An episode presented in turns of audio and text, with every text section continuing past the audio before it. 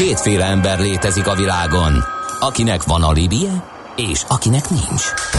Az elsőnek ajánlott minket hallgatni, a másodiknak kötelező. Te melyik vagy? Millás reggeli, a 90.9 Jazzy Rádió gazdasági mapetsója. Ez nem animi, ez tény. Jó reggelt kívánunk, 8 óra 16 perc, és folytatjuk a millás reggelt a 90.9 Jazzy Rádió Nács Gáborral. És Mihálovics Andrással. 0 30 20 10 9 0 9 SMS, WhatsApp és Viber számunk is ez. Nézzük, hogy közlekedés ügyben mit tudunk nyújtani a nagy érdeműnek.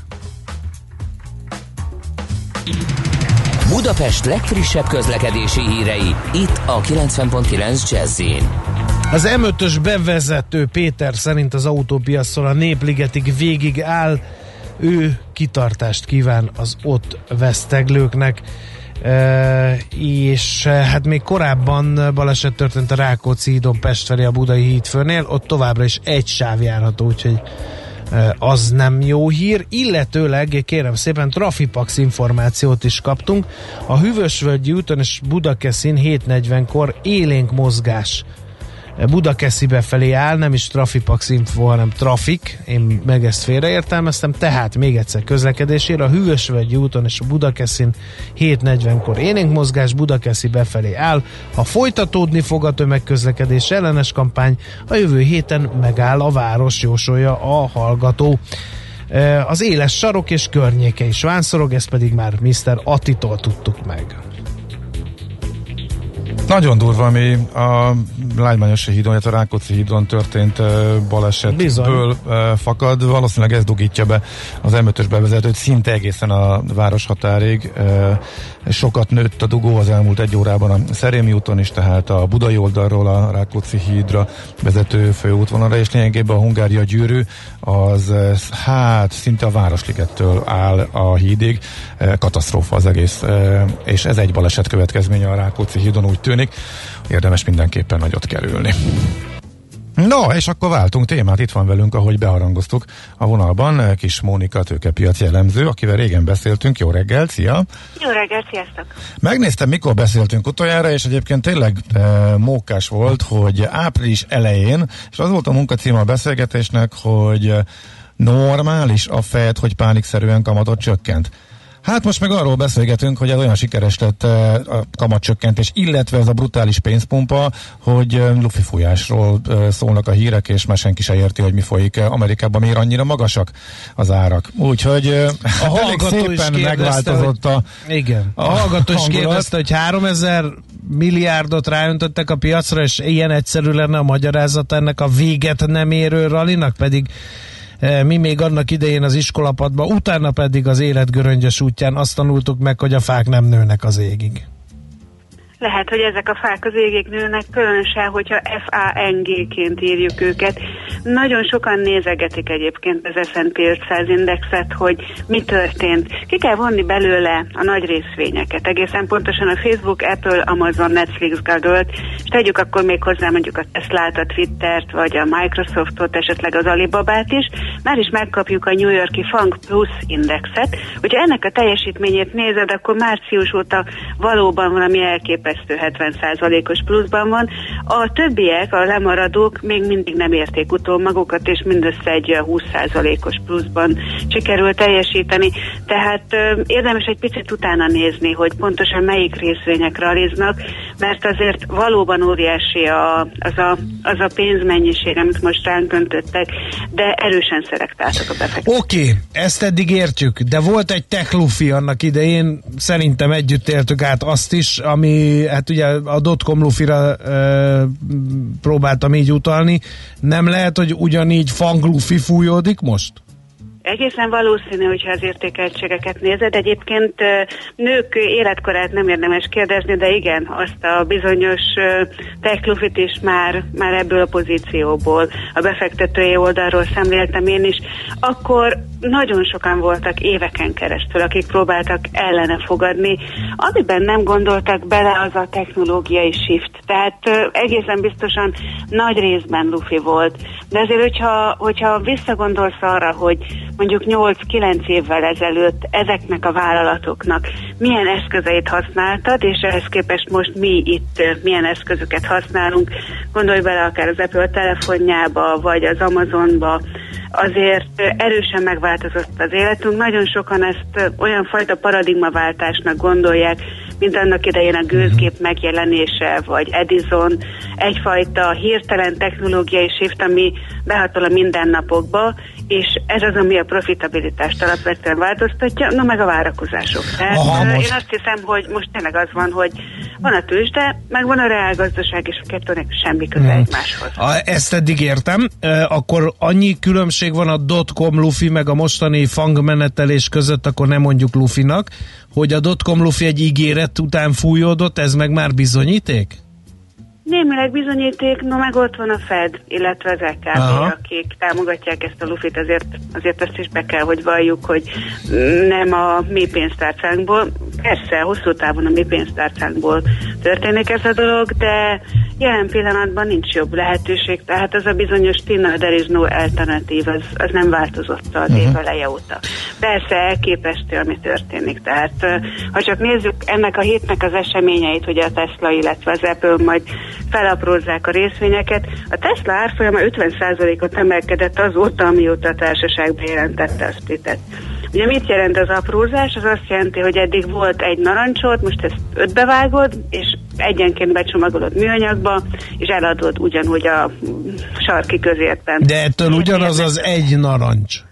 Ugyanaz egy narancs, csak éppen ötbe vágtad. Egy másik hasonlat, ami gyakran eszembe jut, hogy amikor a szobanövény túlnő, például a difenbakja, nem tudom, ezt ismeritek-e, ugye fogja az ember a növénykét, négybe vágja, beteszi a vízbe, és az ott szépen elkezd fejlődni. Tehát olyan módon nem foglalkozunk azzal, hogy a részvénysplit nem jelent semmilyen változást a fundamentumokban. Az most már nem igaz, hogy a likviditás nőne, hiszen felmész egy ilyen ingyenes kereskedő oldalra, és tört vagy arányosított részvényeket is tudsz vásárolni. Az, hogy az opciók áldozása egy kicsit alacsonyabb lesz, szintén nem érv, viszont, viszont kiváló marketing lehetőség. Fizetett akár neked, vagy nekem az Apple vagy a Tesla azért, hogy ma reggel róluk beszéljünk? Nem de a történet miatt folyamatosan beszélünk. Tehát ö, egyre nagyobb a figyelem, egyre nagyobb az érdeklődés, koncentrálódnak azok a részvények, amikből érdemes vásárolni, legalábbis a nagy közönség uh-huh. szerint. Hogyha kicsit visszakanyarodunk ez a 2000-es párhuzamhoz, ugye ott egy nagyon tág spektrumú, mindent vettek, ami tech volt, akkor is, hogyha értéktelen, és mindenről elhitte a piac, hogy az majd nagyon jó lesz, és azért józan parasztészel lehetett tudni, hogy azoknak a 99%-a elhullik, és de nem lehetett tudni, ki lesz a nyerő, mindent megvettek. Most viszont ugye nagyon szelektív a gyűjtés, és a legnagyobb, legismertebb tech cégeket e, veszik, ami azért nagyon nagy különbség, és ez alapján azt lehetne mondani, hogy ez valahol érthető ez a mostani emelkedés. Amit viszont az elmúlt percekben beszéltünk, hogy a nagy semmire e, mennek föl 20-30-40-50 százalékokat, e, az Apple például duplázott pár hónap alatt, úgyhogy a fundamentumai semmi sem javultak. Nem, nem sőt, ugye az Apple-t szoktuk ostorozni, hogy semmi újat nem találtak ki már év, lassan egy évtizede. Nem is sikerült még az 5G telefont sem Igen. behozni, uh-huh. és az összes versenytárs már kint van. Úgy vannak vele, hogy akinek apple van, úgyis csak is azt teszi uh-huh. majd meg. Igen, igen. Csak ez egy, igen, de folytassuk. Igen, hogy ez ugye meg mindenképpen óvatosságra intője el. De beszéljünk kicsit akkor magukról a befektetőkről, de teljesen Ugye olyanok vannak most itt, akik még nem látták 2000-et, nem látták valószínűleg 2008-at sem, mert hogy óriási számban az új generáció a, a 10 és 20 évesek kezdtek beönzölni a tőzsdére, akik olyan papírt vesznek, amit ismernek, amiről hallottak, amit láttak. Van, amit tele, van telefonjuk, Igen. csodálják a, a Teslát és Elon Muskot, az Amazonról rendelnek, és azt látják, hogy hétről hétre 10%-kal több a, a vagyonuk, és ingyenesen kereskednek. Ugye ez mind tök érdekes és árfelhajtó tényező, de meddig tarthat. Szóval mire érdemes, nyilván nem fog, nem fog tudni megmondani, meddig tarthat, de hogy milyen jelekre érdemes figyelni, amikből esetleg arra következtethetünk, hogy fordul a trend, illetve, még egy kérdés, csak most egybe elmondom, aztán majd rád bízom a sorrendet, hogy ez magyar befektetőknek még ebben a mostani fázisban jelenthet vonzerőt? Tehát, hogy érdemes még akár normális átlagos portfóliókba belecsempészni a nagy tech cégekből, még a részvényeikből, akár hosszú távra a mostani árakon? Én azt hiszem, hogy addig fog ez a Robin Hood rally tartani, ahogy én szoktam ezt nevezni, amíg a nagy hedgefundok és az algoritmikus kereskedési alapok is követik a kis befektetők mozgásait. Nem volt ez másképp egyébként korábban sem, csak akkor ugye a brókereknek a kis befektetői mozgásait követték. Valóban jelentős mozgásokat keltenek, és én is megkérdezem általában a fiaimat, hogy Instán, illetve TikTokon mostanában milyen részvényajánlásokat kaptok, mert érdemes odafigyelni rá. De ezért lássuk be, hogy ez hosszú távon nem mozgatja a piacot, és a korábbi esetekben is egy egy idő után elfordultunk. Kicsit unalmassá vált már ez a megközelítés, és akkor mást kezdtünk el követni. Én azt hiszem, hogy elsősorban arra kell majd figyelni, hogy mikor történik meg ez az elfordulás. Igen, még érdemes portfólióba vásárolni tech részvényt is, attól függ, hogy a portfóliónak melyik részébe. Mm, én azt gondolom, hogy mindenképpen érdemes nagyon markáns különbséget tenni a spekulatív rövidtávú pozíciók és a nyugdíj megtakarítások vagy a hosszú távú felépített portfólió közé. Az egyikben ugye teljes mértékben a value szemlélet, a másikban pedig a nagyon-nagyon pontos kockázatkezelés az, ami muszáj, hogy segítsen, legalábbis a döntésekben.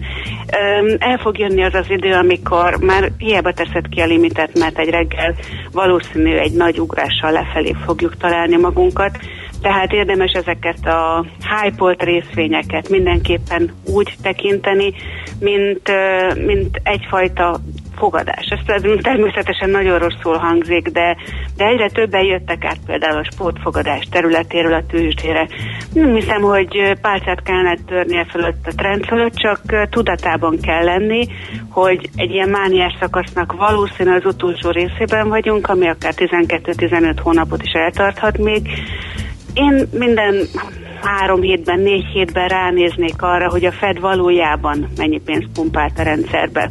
Több elemzés követi, ezt de magának a Fed oldalán is meg lehet nézni, és ahogy ez csökken, úgy érdemes csökkenteni a kockázatot, és odafigyelni a korrekciós uh-huh. jelekre. Épp ezt mondom, és... hogy viszont uh-huh. most az óvatosság nagyon nem fizetődött ki, és akik uh, mi is néha óvatosságra intünk, innen a műsorból, hogy óvatosan, óvatosan ezekkel a papírokkal, és amikor az ember zsebre teszi a nyerőjét, akkor meg megírja, hogy nesze neked óvatosság.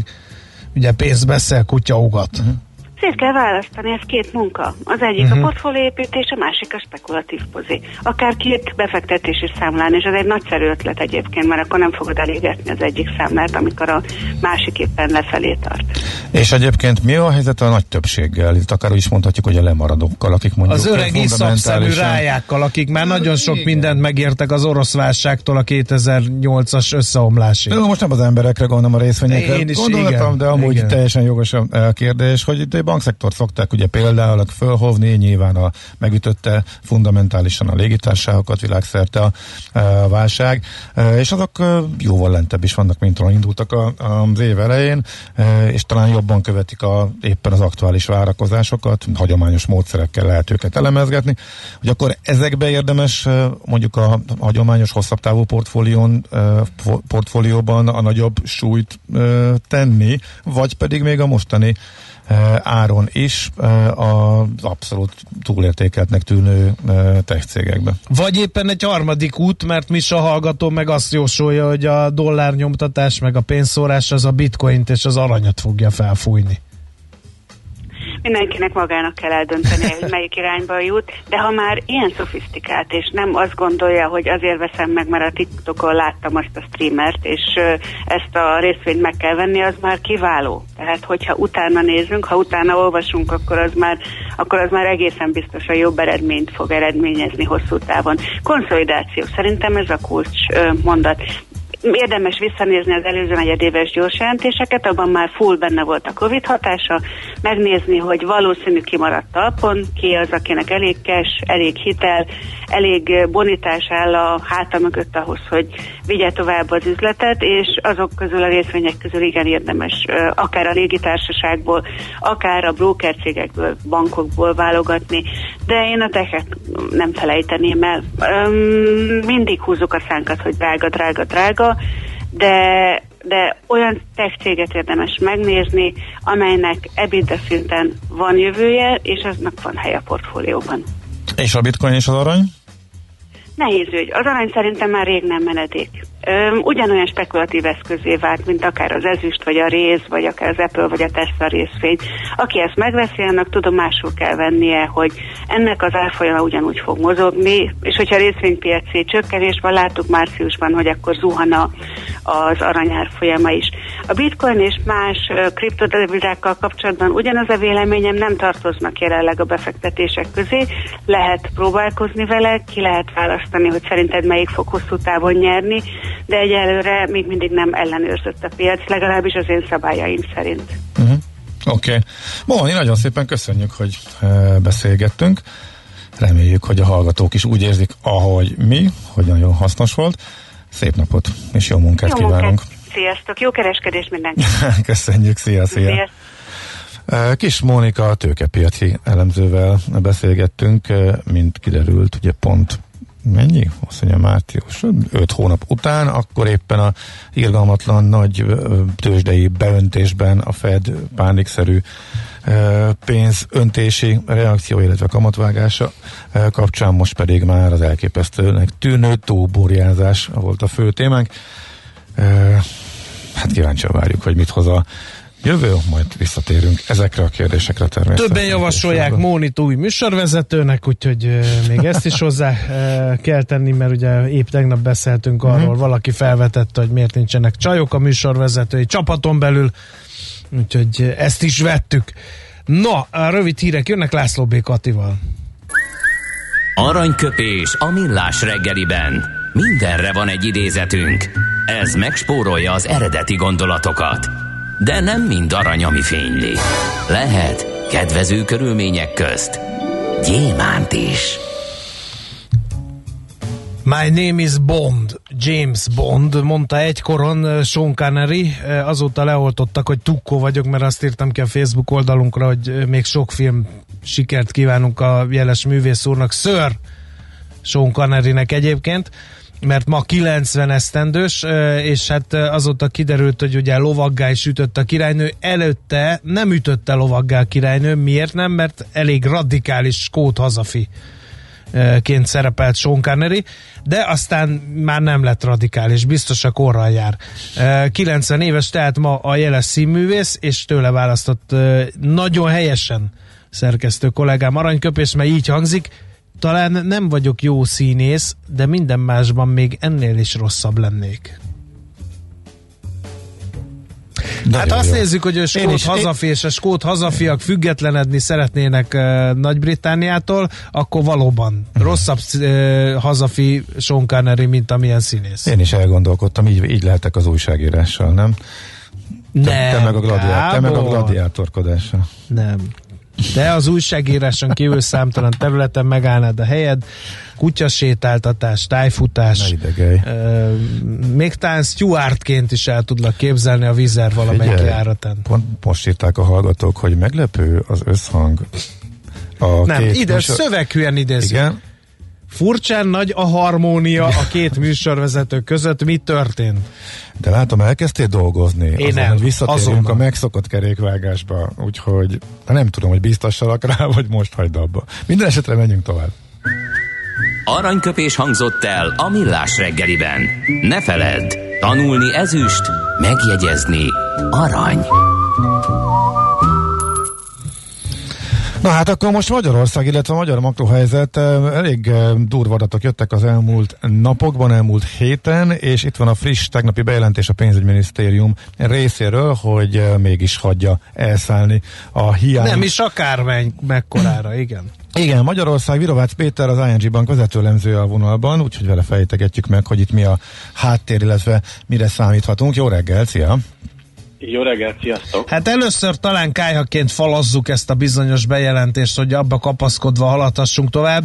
Elszáll az idei költségvetési hiány, bejárta a hír a magyar sajtót, de mennyire? Nagyon. Gyakorlatilag arról beszélhetünk, hogy ilyen 7-9 százalék köré lőtte be most a kormányzat a GDP arányos hiányt itt 2020-ra.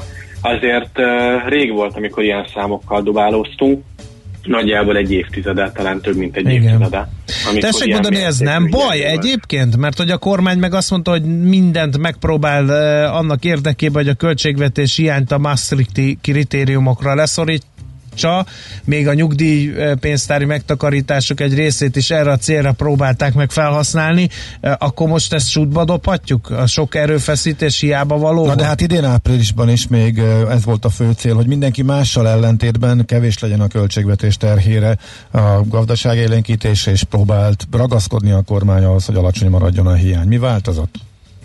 Hát szembe jött a valóság egészen egyszerűen. Tehát gyakorlatilag olyan mértékben nőttek a kiadások itt a koronavírussal szembeni védekezés miatt. Plusz ugye azért voltak különböző adóintézkedések, gazdaság ösztönző lépések, de itt elsősorban a bevétel kiesés és gyakorlatilag a, a, az erőteljesen növekvő kiadási oldal. Ennek együttese juttatott el minket odáig, hogy már azért itt az első hét hónapban, tehát júliusig bezárólag, azért mert bőven túl voltunk itt az idére kitűzött költségvetési ilyen célon, és tudom, hogy azért nem nem arányosan alakulnak a kiadások és a bevételek egy, egy év alatt, tehát a különböző hónapokban, de azért amikor ilyen majdnem 20%-kal vagyunk túl az első fél év során a, az egész évre tervezett hiánynál, akkor ott sejthetjük, hogy valamiféle elcsúszás azért akad és, és én azt gondolom, hogy lehetett volna ragaszkodni ez a 4%-hoz, lehetett volna mismásolni, de, de sokkal jobb szembenézni a valósággal, és, és én azt gondolom, hogy ez egy nagyon bátor lépés volt, hogy beleállt a kormányzat, beleállt a pénzügyminisztérium abba, hogy az idei év pocsék lesz, mind növekedésben, mind költségvetésben, és ez van, nem nagyon tudunk ezzel mit csinálni. Az tény és való, hogy, hogy a kormányzatban nem változott az attitűd, tehát nem azért száll el a hiány, mert iszonyatos mértékben elkezdjük uh, támogatni a gazdaságot, bár azért lehetett egy ilyen kommunikációs olvasat ennek az egésznek, hogy egy kicsikét visszagondolunk, akkor ugye pénteken jött a bejelentés, hogy hát arra kérték meg a pénzügyminisztériumot, illetve Orbán Viktor arra kérte meg a pénzügyminisztériumot, hogy a következő két évre előre dolgozzon ki egy gazdaság ösztönző csomagot, majd hirtelen hétfőn jön a bejelentés, a költségvetési hiány az, az ilyen 7-9 százalékos lehet. Ez egy nagyon jó kommunikációs trükk volt, mert így nagyjából azt gondolja az ember, hogy azért nő több mint kétszeresére a hiány, mert itt elkezdjük ösztönözni a gazdaságot, de azért a valóság ennél jóval, jóval árnyaltabb, és én szerintem jó, hogyha a GDP 1%-át kitevő gazdaság ösztönzés az, az, az még talán belefér, de már ez is csak szűkösen, és egész egyszerűen azért száll a hiány, mert, mert hiányoznak az adóbevételek, gyenge a gazdasági teljesítmény, és, és nagyon-nagyon komolyan megnőttek a, a kiadások. Szóval ez egy idézőben természetes folyamat, emiatt száll el a költségvetés, és ezzel ellen nem nagyon, nem nagyon tudunk mit tenni, és hát más régiós országokban hasonló a helyzet, tehát nem leszünk egyedül az ilyen mértékű költségvetési hiányjal, és azzal a fajta adósság állomány növekedéssel, amit ez magával hoz. Lényegben az elmúlt tíz év adósság csökkentését azt így egy koronavírus az lenullázta. Uh-huh. Csak ugye az érdekes, hogy ugye ezt igazából nem így gondolták még tavasszal. A környékbeli országokban már tavaly is így gondolták, de Magyarország próbált más utat járni. És akkor pont ez volt a kritika egyébként, hogy nagyon keveset fordítanak gazdaság élénkítésre. Igazán el lehetne ereszteni a költségvetést, és többet kellene fordítani az élénkítésre, illetve a nehéz helyzetbe kerültek megsegítésére. Azért furcsa az, hogy ezek a kritikák továbbra is fönn vannak, lejárnak a támogatások, és mégis elszállt a hiány. Így igaz, viszont az is fontos, hogy megnézzük, hogy milyen induló állapotban vagyunk. Tehát nyilván, amikor a gazdaságról beszélünk, akkor mindig azt szoktuk kiemelni, hogy ez a válság és sokkal jobb helyzetben érte a magyar gazdaságot, mint a régiós országokat. Ugye teljes foglalkoztatottság, három évnyi, kétszerűnyi bérnövekedés, emelkedő lakossági megtakarítások, és sorolhatnánk még ezeket a szép dolgokat.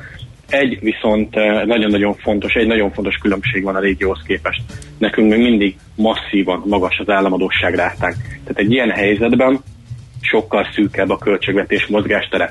Tehát lehet azt mondrázni, hogy, hogy támogassuk a gazdaságot, és, és ha már úgyis elszállt 7-9 mondjuk a hiány, akkor minél lehetne már 13, nem mindegy egyik szempontból, de mondhatnánk, hogy mindegy, csak ugye ezt az államadóságra, tehát valamikor el kell, el kell kezdeni lefelé csökkenteni, és nem mindegy, hogy megint 83-85 százalékról kezdjük el lefaragni, vagy mondjuk 75% környékéről, hiszen azért a magyar adósbesorolás még mindig uh, elég, uh, elég necces, ugye kettő lépcsővel vagyunk a bógli kategória felett. Tehát, hogyha bejön egy, egy, egy rosszabb időszak, és nem sikerül csökkenteni az államadóság rátát, mert nem úgy teljesít a gazdaság az elkövetkező kettő évben, mert jön egy, egy, egy második hullám, bármi történhet, akkor gyakorlatilag se perc alatt ott találjuk magunkat, hogy megint bókliba vágják az országot, és akkor ezt a megint 80% fölötti államadóságot kell könnyen lehet, hogy 5-10% körüli hozamok mellett refinanszírozni. Tehát azért nagyon óvatosan kell, kell ezzel itt benni, és nagyon óvatosan kell eh, hozzányúlni ezekhez a költségvetési dolgokhoz hiszen lényegében egy adósságválságba, egy adósság spirálba is igen könnyen bele lehet ilyenkor csúszni, és szerintem ettől fél elsősorban a pénzügyminisztérium, és ezért próbálják meg valahogy nagyon óvatosan kinyitni azt a pénztárcát, és igenis támogatni valamennyire a gazdaságot, de azért nem észnél. Uh-huh. Ez egy teljesen racionálisnak tűnik egyébként. Um, mennyire más most a helyzet, mennyire vagyunk attól, ami emlékezetes, hogy 2008-ban bekövetkezett, hogy mi lettünk a leggyengébb lángszem, és Magyarországot támadták a spekulánsok, és ugye eddig az egyik uh, ilyen mutató, tényező adat, amit ennek kapcsán sokat kiemeltünk, az pont az elszállt adósság ráta volt. De most azért nagyon-nagyon távol van ez, ugye? Igen, bár arányaiban azt mondhatjuk, hogy maga az adósság mértéke azért nincsen annyival lejjebb, hogy itt teljesen hátradőlhessünk, azért egy nagyon fontos változás van még, uh-huh. pedig az államadóságnak uh-huh. a struktúrája pontosan, hogy nem devizában vagyunk már adósodva, illetve nyilván van még devizanészrány, de ez már 20% alatt van, most ugye megnőtt az elmúlt hónapokban a, a devizakötvény kibocsátás, és ezáltal a deviza részrány megint visszament ilyen 18% környékére, de azért ez még mindig jobb, mint a 60% környéki deviza arány. Tehát innentől kezdve sokkal stabilabb, sokkal biztosabb lábakon áll ez, a, ez az adósság téma, és, a, és az adósság refinanszírozhatósága az a sokkal kedvezőbb, a forint a kevésbé kitett, és hát ne feledjük el, azért Európán belül, jól emlékszem, talán Málta után most már Magyarország a második abban a tekintetben, hogy a lakosság milyen mértékben finanszírozza az államadóságot. Nyilván most ezzel a válsággal, ami azért a munkerőpiacot is érinti, a lakossági megtakarításokat is érinti, ezért ebből a nagy lendületből valamennyire vissza fog venni a lakossági megtakarítás, az állampapír felhalmozás, de, de ez még mindig azt mondatja velem, hogy azért sokkal kedvezőbb és kellemesebb helyzetben vagyunk, mint 2008-2009-ben, és, és szerintem sokkal megfontoltabb is a költségvetési politika pont ebből fakadóan, hogy nem akarunk még egyszer belecsúszni egy olyan történetbe, ahol kapkodni kell, ahol, ahol a hitelminősítőknek kell bizonygatni, hogy már pedig nem lesz itt probléma, ahol megint elkezdenék pedzegetni a befektetők, hogy hogy azért itt valamiféle probléma van. Tehát nagyon sok jót, meg nagyon sok rosszat lehet éppen ki melyik oldalon ül mondani a gazdaságpolitikáról, de azzal én azt gondolom, hogy mindenki egyetért, hogy itt a költségvetési fegyelem, ezért az nagyjából rendben volt. Persze lehetett volna még jobban csinálni, mindig lehet még jobban csinálni, meg még ügyesebben csinálni, de alapvetően azért a költségvetést igen szépen fogta ez a gazdaságpolitika, és, és ebben nem látok változást. Én azt gondolom, hogy ez továbbra is velünk fog maradni, és ez egy fontos téma. Egy utolsó kérdés, a hiányt az könnyű elszabadítani, de nehéz, nehéz vissza. Jó, nem egy utolsó kérdés, Gábor, a jó ég áldjon már meg, nyugodj meg, beszélhetsz annyit, mindjárt kimegyek, és azért, akkor utána na, na, azért. Fel, nem látják a hallgatók egy a nonverbális jeleit. Tehát akkor az én utolsó kérdésem fogalmazunk tű pontosan. A hiányt azt könnyű elszabadítani, viszont nehéz visszafogni. Meg lesz ennek a bőjtje? Szerintem valamilyen szinten azért az automatikus stabilizátorok működni fognak, azzal, hogy elindul a gazdaság növekedése az idei év második felében és jövőre, azért nagyon sok bevétel az vissza fog, vissza fog csorogni a költségvetésbe. Szóval itt nem arról van szó, hogy ezt a, ezt a 9% körüli hiányt, ezt nagyon nehéz lesz lefaragni, én azt gondolom, hogy jövőre azért jóval alacsonyabb számba kalkuláltunk, 3-4% környékére, de, de nyilván kell majd extra erőfeszítést tenni annak érdekében, hogy a korábban dédelgetett ilyen 0 meg 1 százalék körüli költségetési hiányokról beszélhessünk, ezt szerintem most egy jó 3-4 évvel eltoltuk. Uh-huh. A finanszírozási tervet nyilván át kell írni, e, így most. E, így Mi várható, hogy e, újabb nagy mennyiségű állampapírt kell eladni, ez már a kamatszintet is befolyásolhatja. Ki fogja ezt megvenni, hogyha a lakosságra egyre kevésbé számíthatunk, illetve a devizarányt mennyire növelhetik szerinted? Tehát most mi lehet ez ügyben a lépés? Meg kell venni nyilván az új finanszírozási terved, én azt gondolom, hogy túl nagy mozgástér már deviza kötvény kibocsátása nincsen. Az eredeti a most érvényben lévő tervek alapján még egy fél milliárd eurós kötvény kibocsátás az benne van a csőben. Ezt meg lehet tenni. Ez nagyjából azért valamennyit tehermentesít a magyar kötvény kibocsátáson, de ahogy mondtátok is a lakossági állampapír oldalra nem nagyon lehet támaszkodni, tehát ez nem egy biztos forrás most már, mindenképpen magyar államkötvényt kell és az látszódik, hogy, hogy hosszítani akarja mindenképpen a lejáratokat az államadóságkezelő, tehát itt nem feltétlenül majd a diszkontkincstelényekből kell arra számítani, hogy óriási mértékben elkezdi önteni a piacra ezeket, hanem inkább a hosszabb lejáratú papírokat veszi célba az LKK, és ebben az MNB tud nagyon sokat segíteni, hogy ott van egy jegybanknak az állampapír vásárlási programja, amely pár héttel ezelőtt újra beindult, vagy beindulgatott, ezért ez a 10 milliárd forint körüli vásárlás heti szinten azért nem egy, nem egy óriási tétel, de, de van bőven mozgástér, és hogyha az LKK arra kényszerül, hogy tényleg elkezdi dézsából önteni a papírokat a piacra, akkor itt az MNB bizony nagyon erőteljesen be tud ide lépni, és meg tudja akadályozni azt, hogy ez úgy eláraszta a piacot, hogy elszálljanak a hozamok. Szóval itt most egy nagyon komoly együttműködésre lesz szükség a pénzügyminisztérium, az államadóságkezelő központ és az MNB között, Mindezt úgy, hogy tudjuk, hogy azért nem feltétlenül mindig volt felhőtlen a viszony ezek között az intézmények között, de én azt gondolom, hogy most kénytelen uh-huh. mindenki összefogni, és, és koordináltan fellépni annak érdekében, Igen. hogy itt meg tudjuk úszni ezeket a nagyobb viharokat. A jegybankról érdemes külön is beszélni már csak azért is, mert az elég nagy blama, hogy az utolsó pillanatig növekedést vár, tehát egy egészen gigantikus bukás az idei növekedési várakozása a jegybanknak. Ráadásul most uh, satuba is uh, került, és ezt most nem a utazási korlátozásokra értem, illetve idézem. Egyrészt a vártnál sokkal rosszabb növekedési adatok miatt talán lazítania kellene, ugyanakkor az elszálló infláció, rosszabb inflációs adatok miatt meg szigorítania. Mi sülhet ki ebből? Mit, mit vársz a jegybanktól, hogy fogja ezt kezelni, illetve hogy a hitelessége mennyire sérült ezekkel a nagyon félrement előrejelzésekkel például? Tény és hogy nem szívesen ülnék most ott, és, és vakarnám a fejemet, hogy akkor most melyik melyik kezembe harapja. Szóval nem egyszerű a helyzet valóban. Ez az inflációs felpattanás ez talán egy átmeneti tényező lesz. Tehát az a teljes előrejelzős idő, időhorizonton másfél évre előre tekintve azért nem akkora szerintem a, a, a para, de összességében tényes való, hogy nincsen akkora mozgástér a jegybanknál sem, hogy itt most lehessen jobbra-balra lazítgatni, mert akkor elszállna a forint, és ez viszont tényleg gyorsan be tudna gyűrűzni az inflációba. Szóval valóban ott van ez a, ez a kettős hatás. Mm, nem egyszerű, szeptemberben látni fogjuk az új előrejelzést. Itt már egy van kénytelen ez beismerni szerintem azt, hogy, hogy ez a fajta optimista forgatókönyv, amit ők alappályáként mindig bemutattak, ezt, ezt el kell engedni, nincs mese. Értem, hogy ez egy, hogy is mondjam, egy kommunikációs eszköz volt, de, de az látszik, hogy ez, hogy ez alapvetően most már így nem fenntartható, tehát mindenképpen itt is a valóság után kell menni, és, és szeptemberben majd meglátjuk, hogy, hogy miként miként dönt az MNB. Nem gondolom, hogy egyébként a mai kamat döntülésen bármi érdemi változást látunk. Tehát augusztus vége van, a még csak most jön vissza mindenki a szabadságról.